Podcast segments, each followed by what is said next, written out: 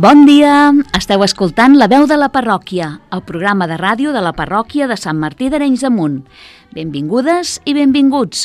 Us acompanyarem fins a dos quarts d'onze d'aquest matí del diumenge 4 de febrer, cinquè diumenge de durant l'any. La Pepita Mas, bon dia, Pepi. Bon dia. L'Anna Maria Marpons, bon dia, Anna Maria. Bon dia. I jo mateixa, Montserrat Fontbona.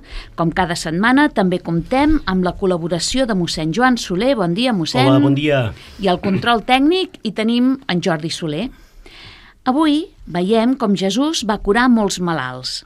L'Evangeli de Marc continua explicant la jornada de Cafer a Cafarnaum, que va començar a la sinagoga, ho vèiem diumenge passat, i que continua primer en l'àmbit familiar de la casa de Pere, després a l'aire lliure i acaba de matinada amb un temps dedicat a la pregària. Ho comentarem a la primera part del programa. Al racó de l'actualitat ens farem ressò de les declaracions de la vaticanista Elisabetta Piqué, que afirma que amb les xarxes socials la visceralitat i l'oposició al papa s'han amplificat. Ho estem veient sobretot després de la publicació ara fa unes setmanes de la declaració Fiducia Supplicans, que disposa que davant la petició de dues persones de ser beneïdes, encara que la seva condició sigui de parella irregular, serà possible que el sacerdot li doni el seu consentiment. Amb aquestes paraules, el Vaticà obre la possibilitat que les parelles homosexuals puguin ser beneïdes per capellans. I al final del programa encara tindrem temps per parlar de la Candelera i de la Jornada de la Vida Consagrada. Comencem. Les lectures. Comentari de mossèn Joan Soler.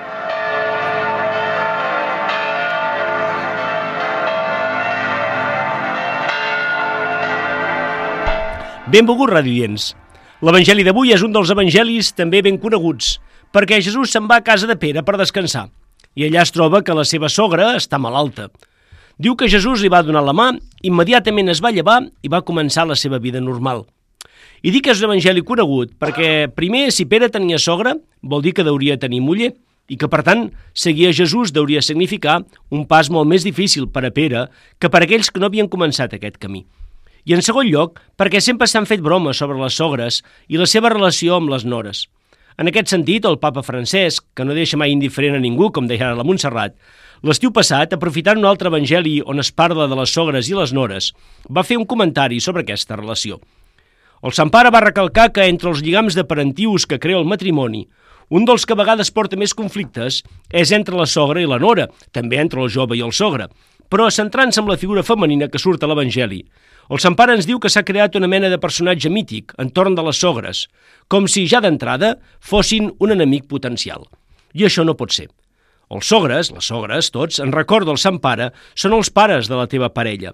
I no només això, sinó que, més, són persones més grans i que seran els avis dels teus fills.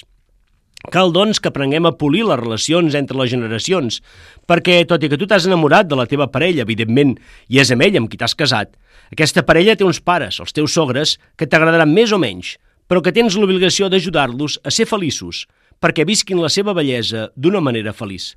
Perquè, si es complementen, la joventut dona entusiasme a l'edat madura, però la bellesa dona reflexió i pau a la joventut. Ens cal fer una aliança entre generacions, però això sí, cal que els avis, els avis sàpiguen ser avis i que els joves sàpiguen ser joves. Quan un jove es fa avi i quan un avi vol ser jove, llavors ja es neixen tots els problemes perquè les relacions humanes no són lineals, sinó que són polièdriques i no hi sobra ningú. Per això, benvolgut radioient, si ets algú que està pensant ara amb els seus sogres, potser avui has d'anar a casa seva a dinar i ja pateixes per si et faran algun comentari que no t'agradarà. Recorda que és gràcies a ells que tens la sort de tenir al costat la persona comple d'amor la teva vida. Per això sol ja els has d'estimar i respectar. No oblidis que potser volen educar els seus nets diferent de com tu vols educar els teus fills, però la teva parella, al final, no va pas sortir tan malament, no? Doncs accepta amb alegria els teus sogres, que ells, com tu, també volen el millor per la seva descendència. I si els que m'escolteu sou els sogres, recordeu que també vau ser joves una vegada i que també volíeu que us respectessin els vostres espais de llibertat. Recordeu que també vau tenir dret a equivocar-vos i que de ben segur vau trobar persones que us van ajudar, sense jutjar-vos, sense percebre-us com a enemics. I, sobretot, recordeu que si estimeu el vostre fill o filla, la seva parella és el tresor més preuat que ha trobat. Estimeu-la també vosaltres. I si resulta que m'esteu escoltant els dos alhora, sogres i nores, sogres i joves, mireu-vos amb un somriure i digueu-li quina sort que hem tingut d'entendre'ns tan bé. De ben segur que l'esmorzar se us posarà molt millor a tots. I res més benvolguts, que l'Evangeli d'avui on veiem a Jesús guarint la sogra de Pere ens ajudi a tots nosaltres a guarir també les nostres relacions, perquè l'altre és sempre un veritable regal de Déu i molt més si és un membre de la nostra família, encara que sigui la família política. Bon diumenge a tots. Adéu-siau.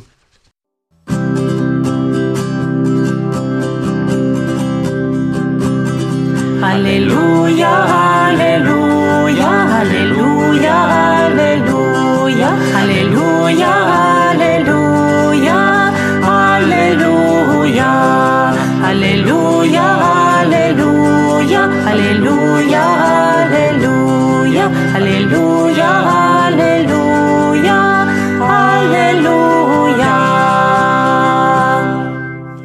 text evangèlic d'avui presenta l'acció salvadora de Jesús en diferents moments d'un mateix dia.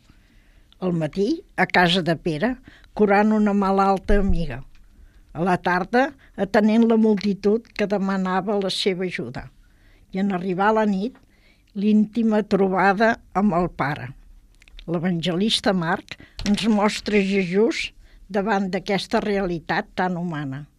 La malaltia, la malaltia de cos i malaltia de l'ànima, i ens fa saber el seu desig d'alliberar-nos-en. Ens recorda que Jesús no va deixar mai les coses tal com estaven. Les va canviar en bé de les persones, especialment de les més febles. La malaltia segueix sent avui una de les situacions més pertorbadores per les persones. No hi ha res que es mostri millor la nostra impotència com trobar-nos malament i experimentar que no podem alliberar-nos dels nostres mals. Però sovint la causa dels nostres mals està en els dimonis que portem dins. La supèrbia, l'avidesa, l'egoisme, que ens emmalalteix interiorment i ens fan actuar de manera irresponsable, provocant greus enfrontaments entre nosaltres i desequilibris en els ecosistemes que són la causa de moltes de les desgràcies que ens afecten. Jesús ha vingut a curar l'home i la societat dels seus mals. Curar significa també alliberar-nos de tot allò que ens bloqueja i ens fa mal, perquè ens allunya del Creador i, això sí, que està al nostre abast amb l'ajuda de Jesús. Llevem-nos a l'alba, com feia ell, per pregar el Pare que ens estima i sentint-nos units amb els germans i totes les criatures que han sortit de les seves mans, posem-nos en camí, com Jesús, per expulsar els dimonis i proclamar la bona nova del regne on el mal no té cabuda. Els més febles són els forts en Déu, els més febles són els forts en Déu, els més febles són els forts en Déu, els més febles són els forts, forts per amor.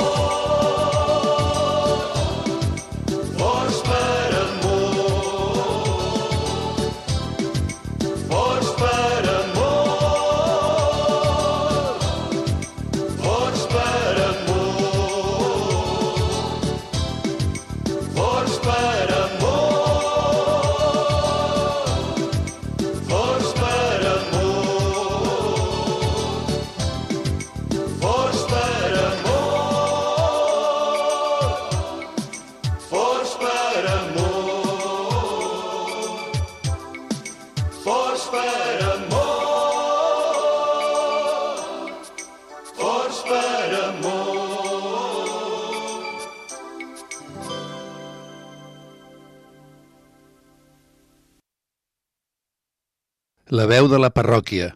El racó per al comentari de l'actualitat. La publicació fa ja setmanes de la declaració Fiducia Supplicants que disposa que davant la petició de dues persones de ser beneïdes, encara que la seva condició sigui de parella irregular, serà possible que el sacerdot doni el seu consentiment. Amb aquestes paraules, el Vaticà obre la possibilitat que les parelles homosexuals puguin ser beneïdes per capellans. Aquesta declaració aprovada pel papa francès ha desfermat la caverna eclesial. Insults del bisbe d'Oviedo cap al cardenal responsable del dicasteri, campanyes digitals de recollides de signatures en contra del document o nombrosos perfils a les xarxes socials criticant amb gran visceralitat el papa i els petits gestos per acollir tothom són alguns dels exemples. Però són molts? Són pocs? Hi ha una oposició real al papa francès? La periodista i vaticanista Elisabetta Piqué ha parlat sobre el tema en una entrevista a Catalunya Religió. Elisabetta Piqué és una dona que coneix bé la realitat del Vaticà, del papa i del món eclesial actual.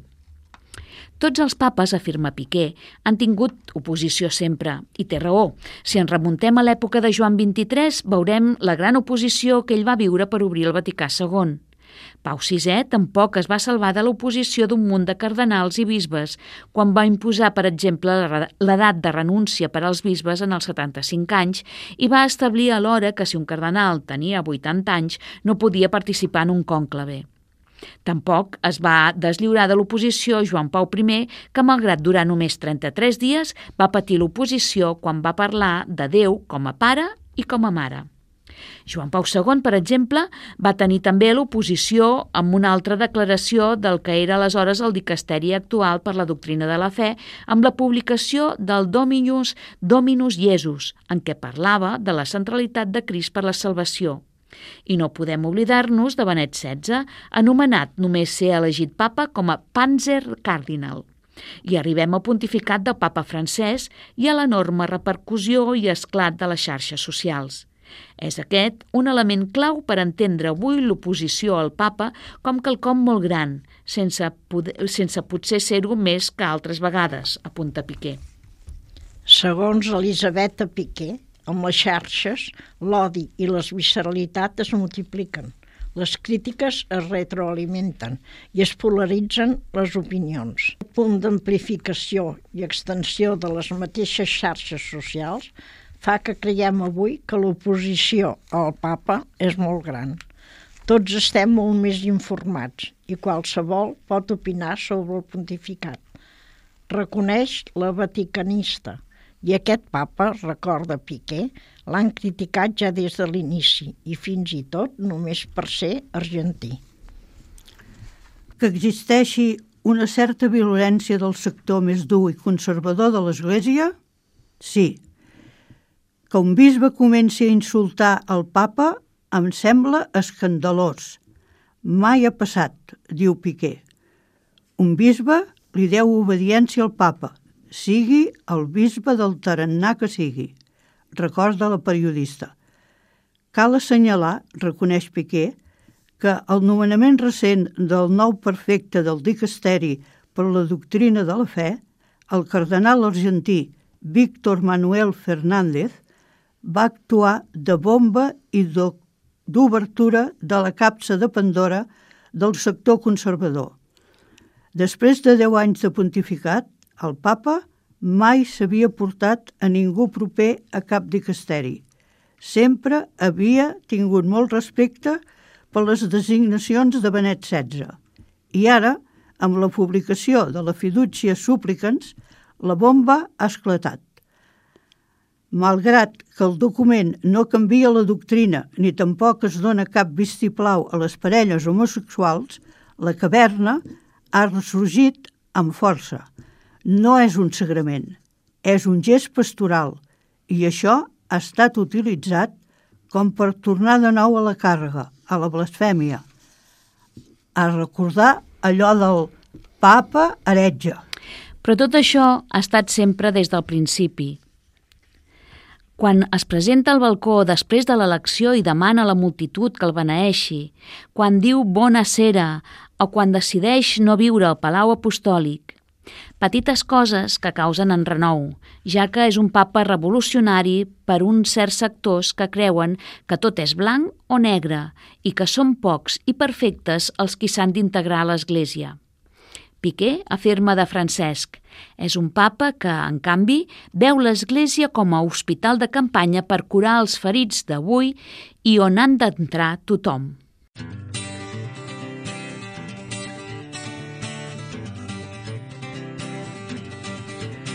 Si portes la pau que sigui ben ferma, si portes la llum que sigui l'eterna, si ets de terrissa que no estigui resseca, si vols ser aigua viva, inunda la terra. Si abraces la creu, ja no miris enrere. Si ets testimoni, sabràs què t'espera. Si tu ets amic, sigues porta i finestra, perquè tu ets camí, però no de pedres. Obrint la mirada, somiem coses noves,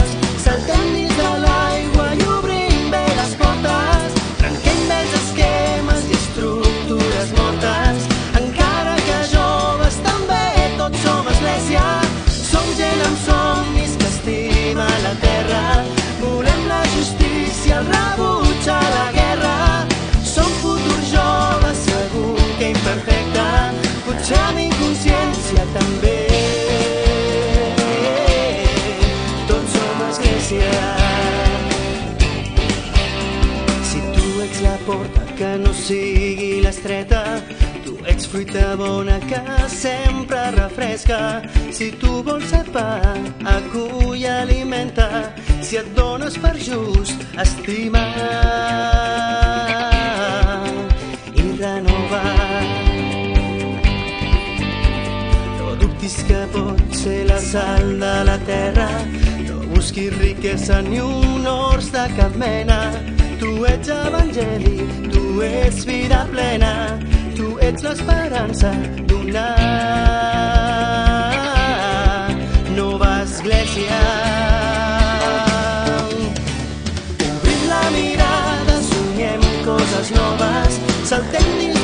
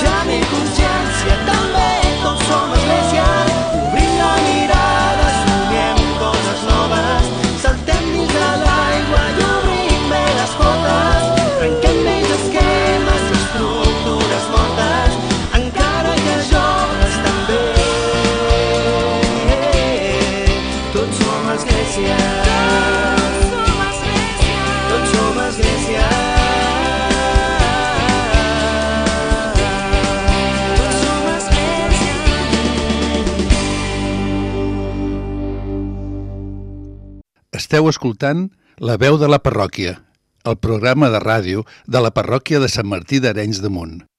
Divendres passat, dia 2 de febrer, va ser el dia de la presentació del Senyor, altrament dit la Candelera, i també jornada de la vida consagrada. El mossèn ja en va parlar diumenge passat. Avui nosaltres ens preguntem quin, simbolista, quin simbolisme amaga la festa de la Candelera? La Candelera és la festivitat religiosa que commemora la presentació del nen Jesús al Temple de Jerusalem, així com la purificació de la seva mare. Segons la tradició jueva, les mares havien d'esperar-se 40 dies després del part per purificar-se i presentar el seu nadó davant les autoritats religioses i fer una petita ofrena. Per aquest motiu, la festa cristiana se celebra cada 2 de febrer, coincidint amb la, fes, amb la Jornada Mundial de la Vida Consagrada i té molts simbolismes diferents. La Candelera tanca el cicle nadalenc i és la data establerta per desmuntar el pessebre i els ornaments de Nadal. Ara bé, la festivitat també està relacionada amb la Mare de Déu i amb ella apareix la Mare de Déu de la Candela. Recordem que una candela és una espelma i, per tant, simbolitza la llum. Joan Amades, en el costum, en el costumari català, explica que temps enrere es repartien candeles entre la població per beneir-les. Assegura que al Vallès n'hi havia tres, una de blanca, per fer llum, i anar a la processó, una de vermella que s'encenia les tempestes per tal d'allunyar els llamps i les pedregades, i la groga que es guardava per anar als funerals. Valls celebren les festes de Nals de la Mare de Déu de la Candela, des de fa més de dos segles, i es coneixen com les restes, com les festes de la llum. La llum simbolitza la vida, la felicitat, la prosperitat i també és símbol d'immortalitat. Per tant, no és gens estrany que la llum sigui l'atribut de moltes divinitats. Per altra banda, la llum també simbolitza la saviesa, ja que per mitjà de la llum el món és visible. Per als cristians, la llum es converteix en símbol de la presència divina i de la salvació, ja que, segons l'Evangeli de Sant Joan, Jesús va dir d'ell mateix – jo sóc la llum del món. Per aquest motiu, l'inici de la vella pasqual comença amb el temple a les fosques i amb l'encesa del ciri pasqual que il·luminarà l'església novament. El significat de la llum també és present en l'ús de les candeles en els temples i oratoris, tant en els altars com davant de les imatges sagrades a les tombes. En aquest sentit, també el foc resta encès en, el en els monuments al soldat desconegut, monuments amb els quals recordem tots els que han perdut la vida a la guerra. El simbolisme de la llum apareix també a la iconografia de moltes imatges religioses, tant de divinitats com de sants que es, present, que es representen amb una aureola de llum que els envolta el cap o tot el cos. El Buda Maharaikokana, anomenat el Gran Il·luminador, es mostra en molts, en molts mandales tibetans com un punt cèntric que emet, que emet raigs de llum. En el sincretisme japonès, budista sionista, apareix Amaterasu, la deessa del sol, que és la més important del seu panteó. També a l'Alcorà trobem els versos de la llum. Ara que el dia s'allarga un xic més, pot ser interessant i necessari endinsar-se en el simbolisme de la llum, present en totes les tradicions espirituals i en els seus temples, i així com en diferents manifestacions religioses, com les processons de dones amb candeles que es feien i que volien recrear l'anada al temple de la Mare de Déu els 40 dies d'haver nascut el seu fill.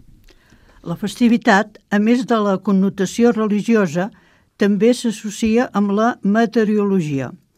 Com que la Candelera se situa a 44 dies del passat solstici d'hivern i encara en queden 50 pel futur equinoxi de primavera, serveix popularment per fer pronòstics respecte a com serà la resta de l'hivern. Aquesta previsió ha quedat recollida en la famosa dita quan la candelera plora, el fred és fora. Quan la candelera riu, el fred és viu. Però tant si riu com si plora, mig hivern fora. En molts pobles, europeus i el Pirineu, hi havia la creença que l'os es despertava i treia la pota fora del cau i segons el temps que trobava, sortia o es quedava dins. Per la candelera, l'os surt de la cova i si veu que plou, no se'n mou.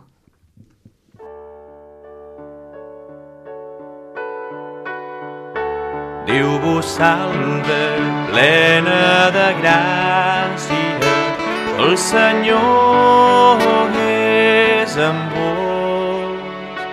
Beneïda sou vos entre totes les dones, beneït és el fruit del vostre sant ventre Jesús. Déu vos salve, plena de gràcia, el Senyor és amb vos. nostra Mare de Déu de la Candela, conduïu-nos a tots, a tots cap al cel. Perquè vos sou la nostra Mare, vos sou el nostre nen, portadora de la llum que ens il·lumina de la ciutat estem. Perquè sou la nostra mare, vos sou el nostre nen, portadora de la llum que ens il·lumina de la ciutat estem.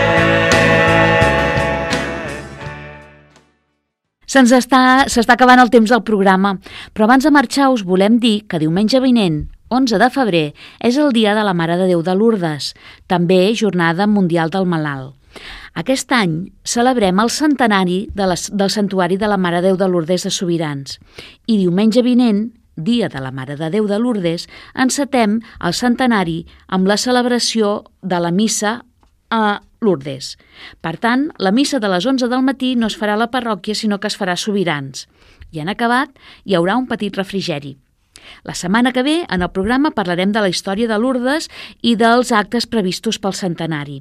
Avui només ens queda temps per acomiadar-nos i escoltar l'última cançó, La teva crida, del grup Cairoi.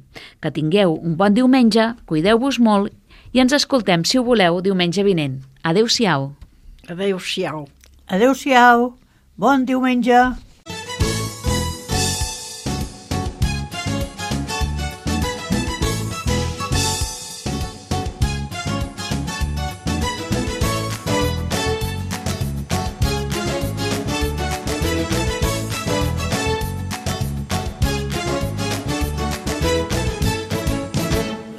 La teva crida, Jesús ha estat al cor i vora el llac amb les xarxes a la mà.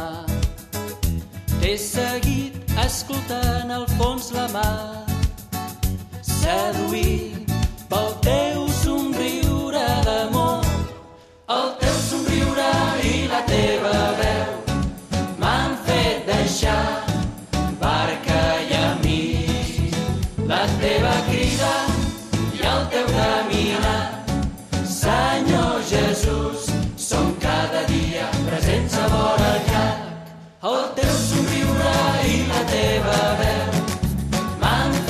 fet